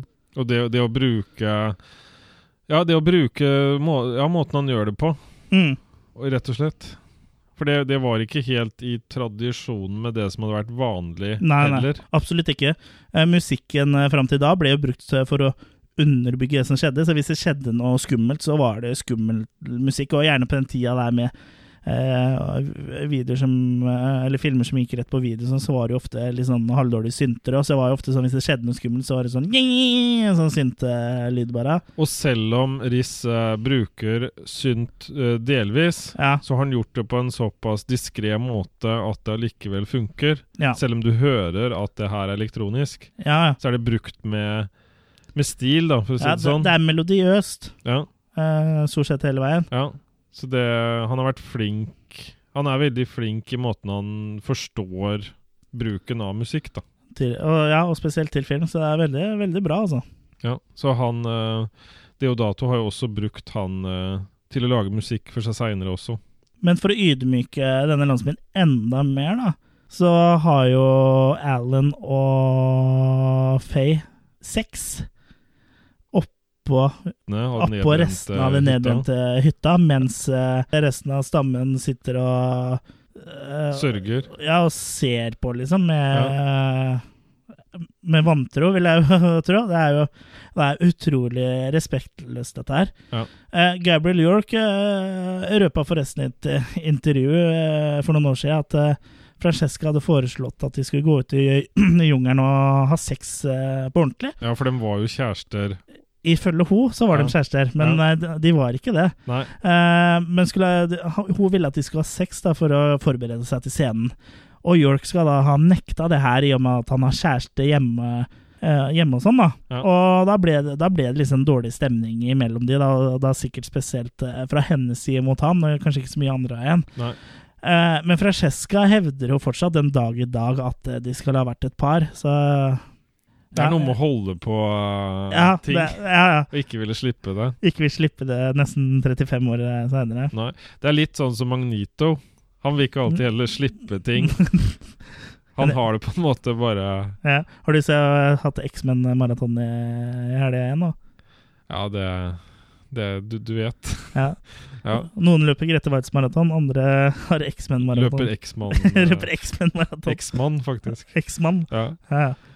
Ja. Så blir det en liten pause i opptaket hvor da Monroe, en kvinnelig TV-sjef, sitter på en benk, og hun syns jo det her er fantastisk. Opptaket så langt er jo liksom bare helt fantastisk. Det her kommer til å bli TV-historisk. Og Monroe han er ikke like uh, ivrig, da. Han, uh, han syns ikke det er så eksepsjonelt. Han uh, tenker liksom De har jo bare vært respektløse mot uh, kulturen til Jack uh, Mone. Det er Kanskje for de så er det, er det nettopp vi siviliserte som er villmenn, som da kommer og bare brenner ned eh, landsbyen deres, dreper maten deres og puler i, i restene av eh, av det som en gang var hytte, da. Ja. Så han har jo absolutt et poeng der, men Ja. eh, hun TV-dama er jo Hun fråder. Ja, hun, hun lar seg ikke overbevise. Nei. Så han må jo fortsette å dunke inn i huet på dem at, eh, at det her må dere stoppe med. Ja. Så er, da fortsetter vi jo eh, å se på opptaket i filmen. Og etter å ha sett en eh, kvinne som da bare har lagt seg i en krok i jungelen for å dø, så overværer crewet eh, noe de selv kaller for social surgery. Og det er at de da tar og fjerner et barn fra livmoren til en kvinne. drukner i en nærliggende elv, og så slår i hjel mora, da. Ja. For å da hindre at, den, at de genene der spres videre, da. Det er eh, Ja, det er, det er støtende. Ja, Ja. men uh, det skjer jo sikkert, tror du ikke det? I stammer? Det skjer jo i verden. Ja, det skjer jo i eh, den siviliserte verden, så Ja. på en måte, i hvert fall. I hvert fall i deler av den, så Ja. jeg tror nok at det fortsatt er sånn. Men her blander de seg jo ikke inn, da. Her bare observerer de, sånn som et dokumentarcrew skal. Så kuttes det da til at Monroe er i møte med toppledelsen i t- TV-selskapet. han har nå blitt sinna. Ja, han har ikke lyst til å ha noe med det her å gjøre. Nei. Han vil stoppe produksjonen. Men hun, hun kvinnelige TV-sjefen hun syns jo at det er sensasjonelt og mener at det er feil å bare glemme det. Ja. Og da sier jo Monroe at eh, 'jeg har sett resten av materialet'. Det har ikke du. Og hvis du ser det, så kommer du til å være enig med meg. Uærlig og umenneskelig. Ja, det er uærlig og umenneskelig. Så vi må inn i den der eh, litt behagelige kinosalen igjen. Ja, for for han velger da å vise resten av materialet til eh, den kvinnelige TV-sjefen og de to herrene som er over henne i systemet, da. Ja, jeg må bare si litt om den der lille kinosalen de sitter i. Ja. Den ser jo veldig behagelig ut. Ja, det de gjør der, Mm. De der litt sånn engelskaktige gamle Stolene. møblene. Og, Litt sånn Chesterfield-aktig. Ja, så, akkurat, ja, så det, den kinoen ser veldig digg ut. Ja. Av alle ting. Ja, det er nok en del sånn screening room uh, uh, her og der i sånne store TV-selskaper og produksjonsselskaper, så ja. Skulle gjerne hatt en sånn kino. Ja, så tommel opp for den. Tommel opp for den. Ja. Så kommer vi på den uh, siste rullen. Ja. Uh, de har nå kommet lenger eh, inn i jungelen og leter etter Yamamomoene. Og de kommer jo over en, en, eh, jente, og hun sier at hun må være veldig forsiktig, for disse villmennene er så farlige. Og så får de fanga henne, da.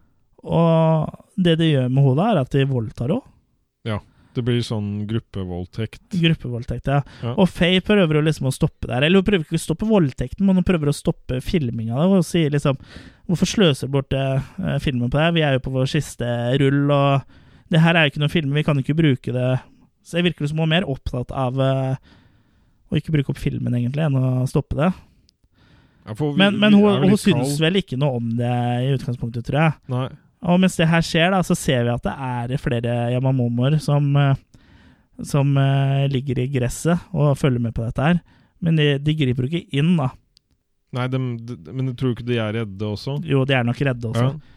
Og, og litt senere, da, eh, i opptakene, så ser du at de kommer over ei jente som da er spidda nedover på en påle. ja, og Det er vel en av de mest kjente scenene i hele filmen. Det er vel en av de mest kjente scenene, og det bildet er jo på coveret på utgivelsene vi har, og det fins jo sånne små figuriner eh, av, av akkurat eh, den kvinnen som er på det Som er spidda, da. Og det var jo noe av det han ble trukket eh, Som Deodato ble trukket inn i rettssalen for også. Ja, så han måtte jo bevise her. hvordan den scenen var gjort, da, for det ser jo faktisk ganske overbevisende ut, altså. Det gjør det. Og det er ganske sånn genial måte han har gjort det på, for nede i bakken står det et jernrør, som da er kledd i sånn som skal se ut som bambus. Og så er det et sykkelsete oppå, som da den kvinnen sitter på, naken. Og da er det greit å ha sete. og ikke- og så sitter hun der, og så titter hun liksom rett opp uh, i været og har et eh, lite bambusrør da i munnen som stikker rett opp i været. Ja. Og sitter der helt rolig sånn. Og det, det, ser eh, ikke noe særlig ut. Nei, men Nei. eh, hun satt jo sikkert behagelig, da. Og det ser jo veldig bra ut òg. Og hvis du er litt observant, så kan du se at, eh, at eh, bena hennes skifter mellom å være kryssa og henge rett ned. Ja. Mm. Så det Han ble jo frikjent når han eh, ble vist Når han fikk demonstrert hvordan effekten ble gjort, og viste bilder av at uh, av kvinnen da, som uh, snakka med kameracrewet etter det var skutt og sånn. Så Men for Yates er jo det her en uh, energipille av en annen Ja, ja. verden. Han står jo og gliser med det mest fårete gliset noensinne har sett. Og så blir han da oppmerksom på en av kamerafolka sier Øy, vi ruller, og så bare går over til å se lei seg ut og bare Hvem er det som har gjort noe sånt? Det er helt forferdelig. Det må være en straff på grunn av noe seksuelt ritual eller uh, et eller annet øh, om jomfrudommen nevner han vel, om at eh, jomfrudommen har blitt eh, frarøvet før ekteskap eller noe sånt nå. Og da titter jo Faye litt sånn uh, i kamera med litt sånn oppgitthet. Så det er, jo, det er, jo, tydelig at det her er den samme kvinnen som ble voldtatt i forrige scene, som nå har blitt henretta på grunn av at, på at de har voldtatt henne, da. Men så kommer det ikke fram da om det er de som har staged det, eller om det er stammen. Det får vi ikke noe svar på. Det får vi ikke noe svar på, men uh, det er mest nærliggende å tro at uh, de kommer over det. For du ser jo måten Jens smiler på han, så han hadde nok ikke smilt sånn om han hadde gjort det sjøl først, tror jeg. For han er, virker jo litt overraska og sånn, men tenker at det her er gull for han, da. Og det er nok de som har gjort det, for de de Yamamomene de kommer jo etter de, så de skal nok ta sin hevn på de også. Ja, så det er for, for, det er for å gi dem en forvarsel, et forvarsel om hva som kommer. Ja, for kort etter uh, det her, når de går videre, så er det jo omringa av Yamamomer. Og de begynner å, da begynner kameracrew å skyte mot dem. Og John uh, blant annet avgår jo ganske kjapt uh, ved døden med å få et spyd i brøstet. Ja, ikke mot i brystet, men spyd. Han, han, gjør jo veldig mye ut av det at han har fått det der i brystet, og ja. mener da på en måte at uh, det krever for mye av han. Han står der litt, og, ja. men han får ikke noe oppmerksomhet. De bare fortsetter å filme. Og Kannibalene kommer da og drar han med seg, og crewet fortsetter å filme. Og da kommer jo uh, en scene som uh, fikk meg til å se, ta bena i kors, i hvert fall, og det er når de kastrerer han jo. Mm. Anders får uh, Kastrert. Han blir kastrert. Ja, og det ryktes De skjærer det, av pikken hans. Det ryktes at det var et ekte lik.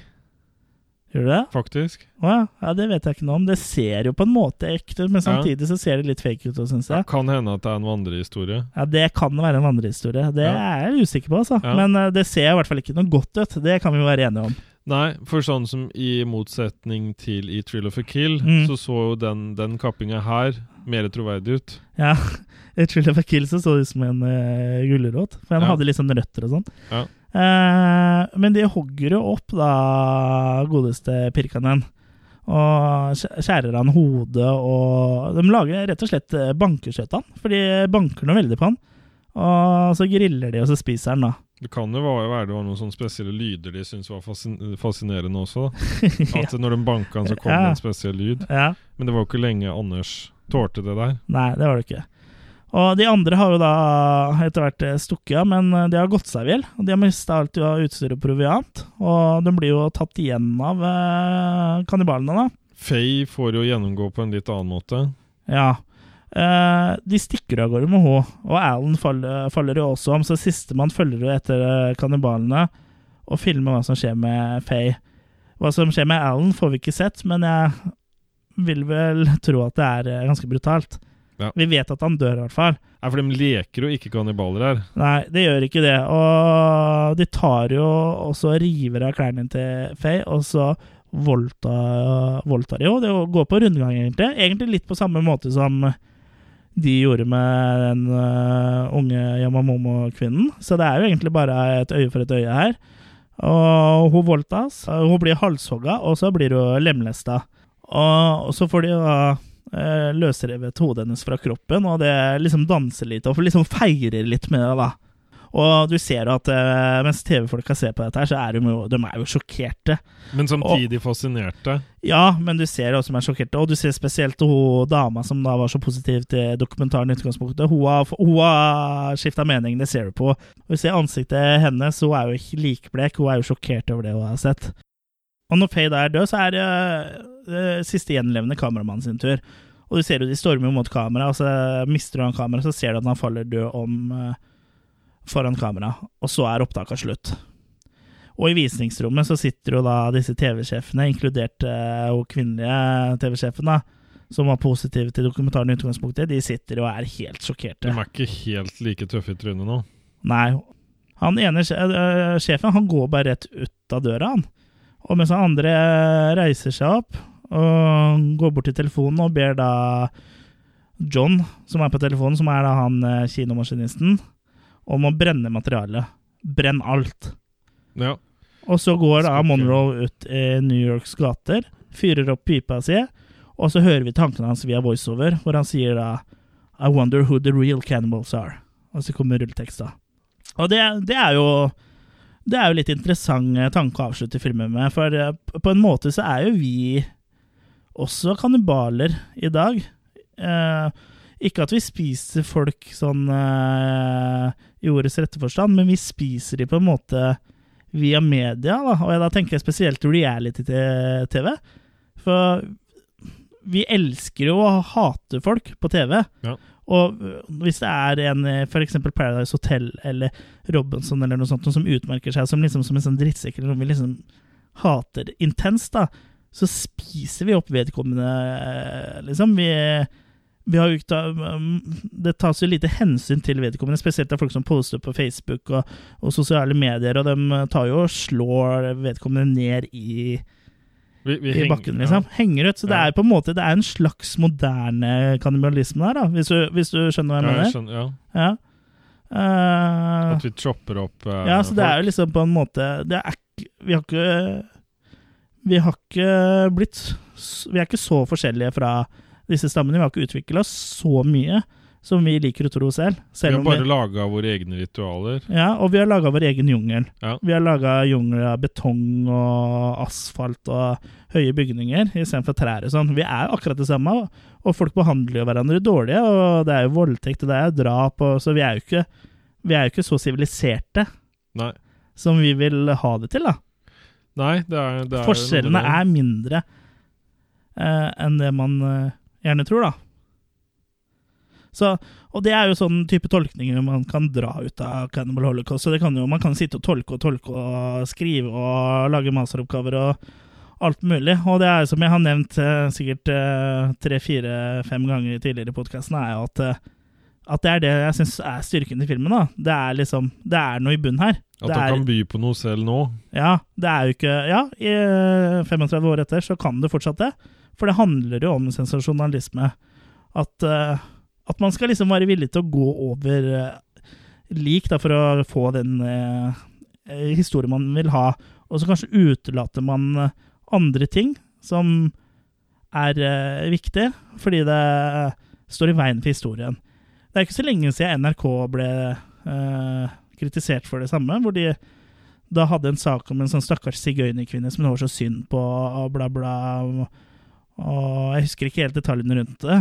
Men så utelot de å fortelle at hun faktisk var kriminell, og at det var masse dritt, liksom. Så det var jo egentlig ikke synd på. Ja, De fabrikkerte henne sånn de ville Ja. ha henne. De eh, lot være å fortelle ting som da sto i veien for historien. Så det skjer jo til og med i norsk rikskringkasting. Så den er, er evig aktuell på grunn av det, da. Og Og det her med det med Steven Spielberg, og også som ble vist nå sammen med det derre tilsynelatende utdødde dinosaurdyret. ja, det, Det tyder jo også på at vi kanskje ikke er har kommet så langt. Ja, i hvert fall sånn mentalt sett. Ja. For der, der var det noen som da trodde at eh, Spielberg hadde drept en triceratops. Ja. Det, For, fordi han poserte av en triceratopsen som var død. Ja. Som da ikke har eksistert på millioner av år. Nei. Så det er artig. Ja. Jeg er fortsatt litt usikker på om han var seriøs eller ikke, men uh, forundrer meg faktisk ikke. Nei, litt spesielt. Det står jo en sånn tekst på slutten av filmen. Ja, det stemmer, det glemte jeg. Det står jo, og det er jo liksom med på å få det til å føles litt mer ekte for seerne. Og det står at eh, han eh, kinomaskinisten han ble bedt om å, som ble bedt om å brenne materialet, at han fikk en bot på 10 000 dollar og fengselsstraff for å selge filmmaterialet videre, som da liksom gjør at vi har fått lov til å se det, ikke sant? Ja. Men det står at eh, vi vet at han tjente 250 000 på det. Det her var jo da en referanse til da en distributør som skrina da det ekte Cannibal-opptaka Ja. som Rugero Deodato baserte filmen på. Mm. Så Ja, Deodato har jo, har jo sagt i noen intervjuer eh, at han ville At det ikke er noe vits i å tolke så mye, at han bare har laga en film om kannibaler. Eh, Men det tror jeg egentlig ikke noe på, for han har sagt i andre intervjuer, sånn som jeg var litt inne på i stad, at, eh, at han fikk ideen til å lage filmen når han så eh, nyhetsdekninga til italiensk TV om De røde brigader. Så han har jo sagt litt forskjellige ting. Men det, jeg heller mer mot det sistnevnte, at han har hatt litt han har hatt litt i bunnen, for det er, liksom, det er liksom for bra til at det bare skal være tilfeldig. Men han blir vel kanskje også litt eh, leda, da. Sånn som Ja. han mener at eh, media gjør. Så blir han også leda i intervjuene Ja, til ja, ja. han skal svare. Ja, det gjør han jo, ikke sant? Ja. Ja.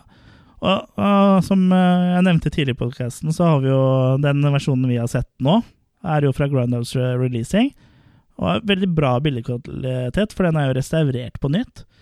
Og jeg syns jo at bildekvaliteten er veldig bra, og det som er fint å se, er at de har liksom en kjærlighet til, til materialet. For jeg vet jo at en, den tidligere Blu-ray-utgivelsen til eh, Cannibal Holocaust, så vet jeg at de hadde brukt for mye sånn digital noise reduction. At, eh, at det ikke så bra ut, liksom, og at eh, de da found footage-materialet så bedre ut enn den det skal være, for det skal jo se slitt og jævlig ut. Ja. Og det har de, og det har de jo beholdt. For første delen av filmen her ser jo veldig bra ut. Og andre delen med da de found footage-delen ser jo slitt og jævlig ut. Og, men alt er klart allikevel. Da, men, Det virker ja, eh, så det er, det er liksom gjort, Av, av folk som bryr seg, da.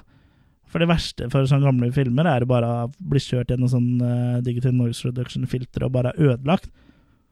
Men jeg syns at, uh, syns at Groundhouse Releasing uh, har gjort en uh, utrolig bra jobb uh, med restaureringa her. Det er At ikke det er en kunstnerisk eh, restaurering. ja, det er ikke så ofte vi fremhever utgivelser uh, her på podkasten, men uh, det, det er jo den definitive uh, utgaven av Cannibal Holocaust. Så hvis du skal ha Cannibal Holocaust på Blu-ray, så er det den du må gå for.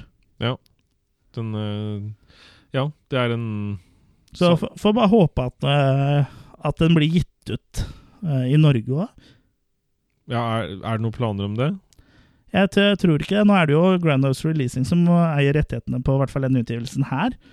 Men uh, det burde jo være mulig for norske distributører å, å få kjøpt den og videresolgt. Hører du Another World Entertainment? Ja. Her, må dere, Ja. her må dere komme på banen. Ja. For det tror jeg er en film som også vil selge bra på det norske markedet. Også. Selv om eh, de som er mest interesserte, sånn som også allerede har fått tak i den fra, fra det store utlandet. Da. Så har den også noe å tilby et norsk marked. Ja, for det, det er jo ikke alle som kjøper over nett og, og sånn, og jeg tror det er sikkert flere som får lyst til å se den, som har hørt om den. Ja. Men i sann italiensk eh, cinemastil fra den tida her, så har jo Cannibal Holocaust eh, oppfølgere. Seks oppfølgere. Ja, det er ingen offisielle, bare uoffisielle. Bare sånn Fragasso-oppfølgere. Ja, Ja. og, og sånn, sånn er det med italienske film fra 80-tallet. Det er jo blant annet eh, Mario Gariazzo sin Amazonia, The Catherine Miles Story. Den har vært gitt ut som Cannibal Holocaust 2, The Catherine Miles Story. Og så har vi Antonio Climatis eh, Natura Contro, som var gitt ut som Cannibal Holocaust 2 i Thailand og England. Han sier jo det i et intervju, han eh, Deodato, at han på en måte er en pioner. Ja. At folk på en måte da kommer Ja, og gjør ja. akkurat det samme etter Ja, den. det var litt sånn italiensk arroganse igjen. Akkurat det intervjuet har jeg sett også. Hvor han liksom Han drar i filmer der, og så kommer de andre etter, og så finner jeg drar jeg filmer der hvor ingen andre har filma, så kommer de andre etter, og det er, det er han veldig glad, i. De litt fragassoiske Ja, jeg tror, jeg tror det er mer sånn italiensk filmskapertendens, er ikke bare nødvendigvis Fragasso. Nei. Selv om uh, vi er vel litt ekstra glad i Fragasso. Ja.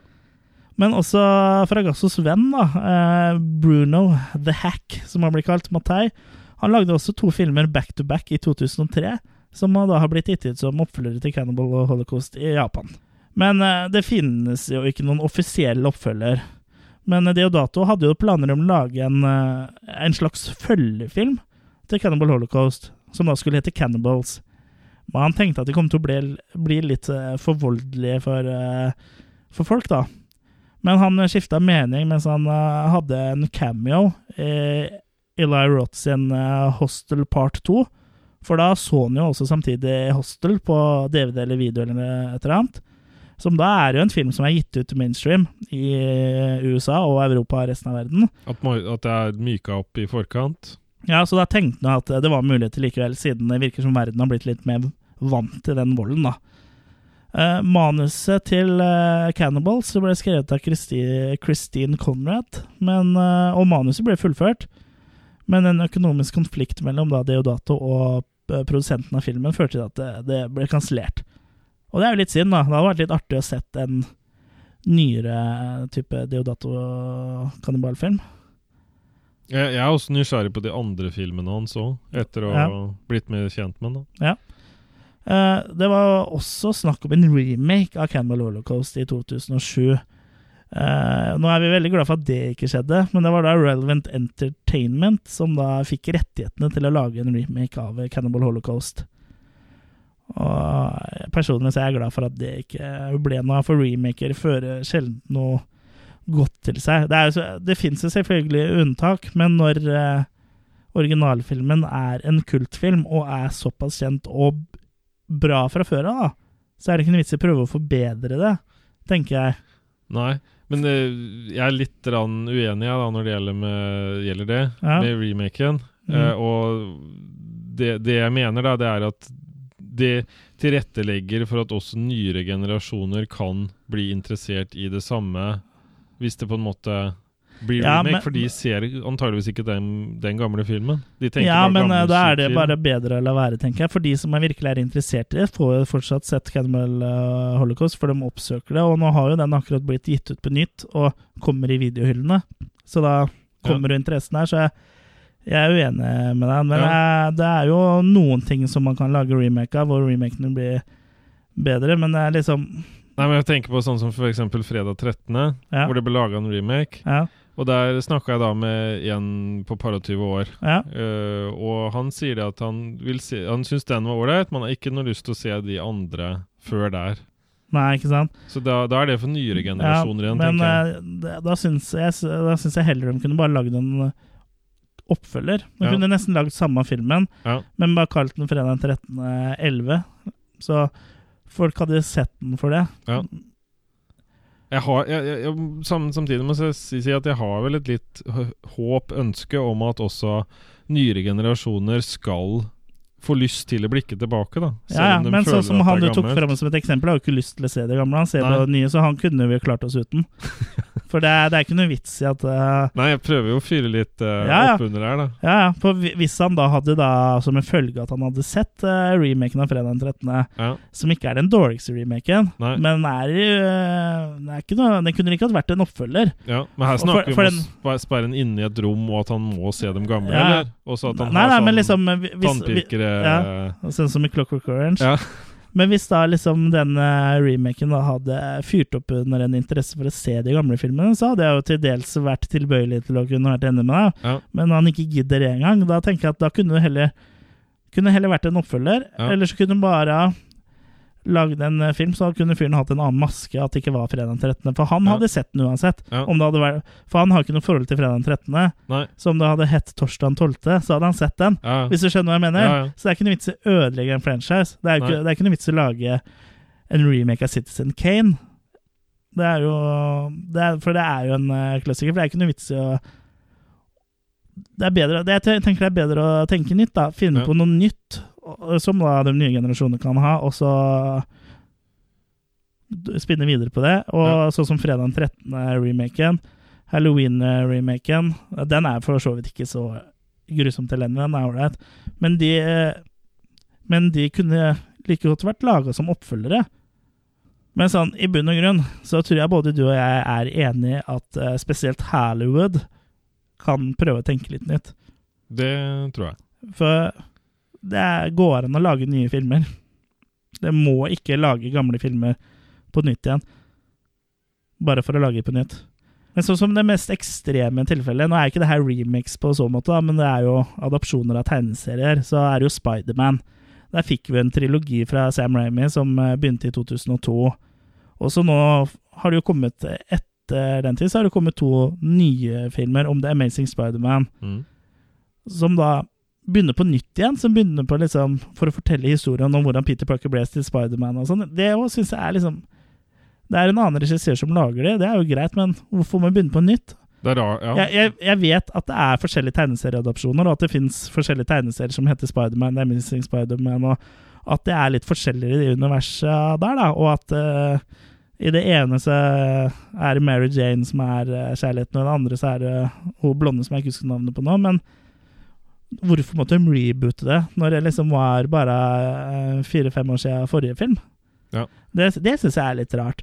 Men der er det jo tegneseriegreier, så det er på en måte greit. Men jeg ville jo heller, eh, i forhold til den forrige den, den, The Amazing Spiderman, da, så ville jeg heller sett en oppfølger, eller at hun brukte mye kortere tid på å vise at han ble Spiderman, da. Men, men. Eh, sånn er det jo nå. Og det tegneserier så kan du jo lage tusen, tusen versjoner av, så det, det er liksom ikke det samme. Men når du lager samme film eh, på nytt, bare for å lage den på nytt, det er eh, sånn som Psycho. Den er laga identisk. Helt på nytt, bare i farger, da. Der er eh, alle kameravinklene. Og hvis du er helt like, og hvis du spiller av filmen samtidig, så klipper det også på samtidig. Ja. Ja. Det er frame by frame remake. Ja. Det er ikke noe vits i. Hvis du skal lage en remake, så må du i hvert fall tilføre noe. Ikke bare lage det samme om igjen. Da får vi satse på da at det ikke blir noe Cannibal Holocaust remake. Jeg har vanskelig for å se hvordan de skal gjøre det eh, på samme måte. Og nå ble, går det ikke an å lage den med autentiske dyredrap heller. Ikke at jeg har så lyst til å se, men jeg føler at Cannibal Holocaust eh, bana jo ny vei, liksom. Og bare lage en remake av det blir liksom bare for å cashe inn eh, billige kroner, liksom. Ja, Så jeg er ikke er helt uh, Men eh, Hostel-regissør og Cannibal Holocaust-fan Eli Roth, han er jo i gang. Eller han har vel laget, men han har vel ikke kommet til Norge, The Green Inferno. Og det var jo arbeids... Eller den opprinnelige tittelen Til, eh, til uh, arbeidstittelen til Cannibal Holocaust. Holocaust. Ja, og i Så- filmen også så refererer det jo den dype jungelen i Amazonas. Det refererer de jo til som uh, The Green Inferno. Ja. Men så fant jeg ut at her måtte vi endre litt på tittelen for å selge mer. Ja. Så da ble det jo Cannibal Holocaust, Holocaust. Ja. Men så Green Inferno, han eh, Det blir jo spennende å se den. Jeg har sett en trailer eh, på den, men det var ikke så mye jeg fikk se der. Men det blir jo artig å se hva den kan tilføre eh, sjangeren, da. Og Ila Roth er jo sjøl fan av Cannibal Holocaust, som jeg nevnte, så han, og han kjenner jo til sjangeren. Han har jo sett uh, Cannibal Ferox og alle disse kannibalfilmene. Og for å få med seg disse um, folka som skulle spille da innfødte, så brukte han jo da Cannibal Holocaust nettopp for å vinne hjertene deres og for å få dem til å være med og spille. Gjorde han det? Ja, Og, men viste, viste han det i filmen? Ja det, det står i hvert fall at de innfødte elska han, og Ah, ja. da mer enn gjerne ville være med å spille filmen. da. Okay. Så den vinner Men de elska den fra før. Så det betyr at eh, nå til dags så har de DVD-spillere, så de Nei, han hadde vel med seg en Nei, uh, Ja, men du skal ikke se bort ifra at, at om de ikke nødvendigvis har de den eh, lille smålandsminnet sin, så er det jo Ting har kommet langt. så det Ja. ikke sikkert, De har sikkert kjennskap til eh, video og film og sånn, og vet litt mer eh, hva det går på nå. Tror du ikke han tok med en gammel, eh, god sånn filmprosjektor? da? Fremviser. Eller projektor? Ja, det kan godt hende. Ja. Ja. Men uh, det blir spennende å se uh, hva The Green Inferno kan tilføre sjangeren. Men jeg tviler vel allerede sterkt på at den vil slå ned Cannibal Holocaust uh, fra trona som den beste kannibalfilmen. Men nå er det jo også nesten 35 år med nostalgi som spiller inn også, så Og den, så, som jeg nevnte tidligere, så var den jo først på mange ting. Ja, jeg tror nok den vil bestå på førsteplass eh, en god stund til. Ja. Da har vi snakka langt og lenge om eh, Cannibal Holocaust. Og det er vel egentlig ikke sånn eh, kjempemye mer å si. Jeg har, vel, jeg, jeg har i hvert fall ikke så veldig mye mer å komme med nå. Bare at det er en film du på en måte Du blir vel ikke kvitt den sånn oppi hodet? det er en sånn det, film det er en som film som er, er med deg. Ja, Mm. Og det er absolutt en film som bør uh, ses. Nå vil jeg vel anta at eh, kjernen av våre lyttere har allerede sett den, og hvis, hvis du ikke har gjort det, så, så må du gjøre det. Du må gjøre det. Ja. Så frem til neste gang, så eh, vær aktiv på Facebook-sida vår, og følg oss på Twitter og Instagram. Instagram. Og send gjerne fax. Ja, og så Snapchat, da. Ja, og så Snapchat. Det var Mikrolokk, meg og Do. Bare Krish. Ja. Krish, C-H-R-I-S-S-J, med bare foran. Ja. Og minner på eh, veldreide kvinner kan også sende snaps. Av seg selv, da. Ja, det var det Ja, det virka ja, som du ja. sier nå. Nei, At av seg kvinner kan også sende sn uh, snaps. Ja, ja. Eller Send ser det snaps òg. Send meg den sna snapsen der. Åssen snaps vil du ha da, Jørgen, hvis vi først skal få snaps? Nei, si det. Kanskje en sånn uh, Kirsebær? Fersken? Ja, eller kirsebom. Kirsebomsnaps? Ja, Ja. Det er hun Vendela Kirsebom som går Nei, med en mor. sånn Hun går med en bom, sånn Ja. mikkbom eller sånn. Nei, mor, jeg har jo byttet sjampo, mor. Hun snakker litt sånn rar, rar norsk, hun kirseboms. Ja. Ja. Kirsebombom. eller et eller annet. Ja, men Ja. Nå, er vel, nå er det vel på Nå tror jeg det er på tide å runde her. Altså nå Nå ser jeg Jørgen er ivrig på å gå ut og leke litt i sandkassa. Ja. Men pass på å høre på oss neste gang, for hva er det, hva er det neste gang, Jørgen? Da er det norsk spesial. Norsk spesial! Hipp, hipp, hurra! Hei, hei! Og hvilken film? Vi skal snakke om uh, O hellige jul, som er regissert av Per Ingvar Tomren og Magnus Steinsvold, som eh, er fra Vestnes. Og filmen er eh, spilt inn og produsert i sin helhet i Vestnes. Ja. Så vi gleder oss veldig til å prate om O hellige jul. Men det er også neste gang. Og fram til det så får du ha, ha det så fint. Ha det på snei. ha det på badet. Hei.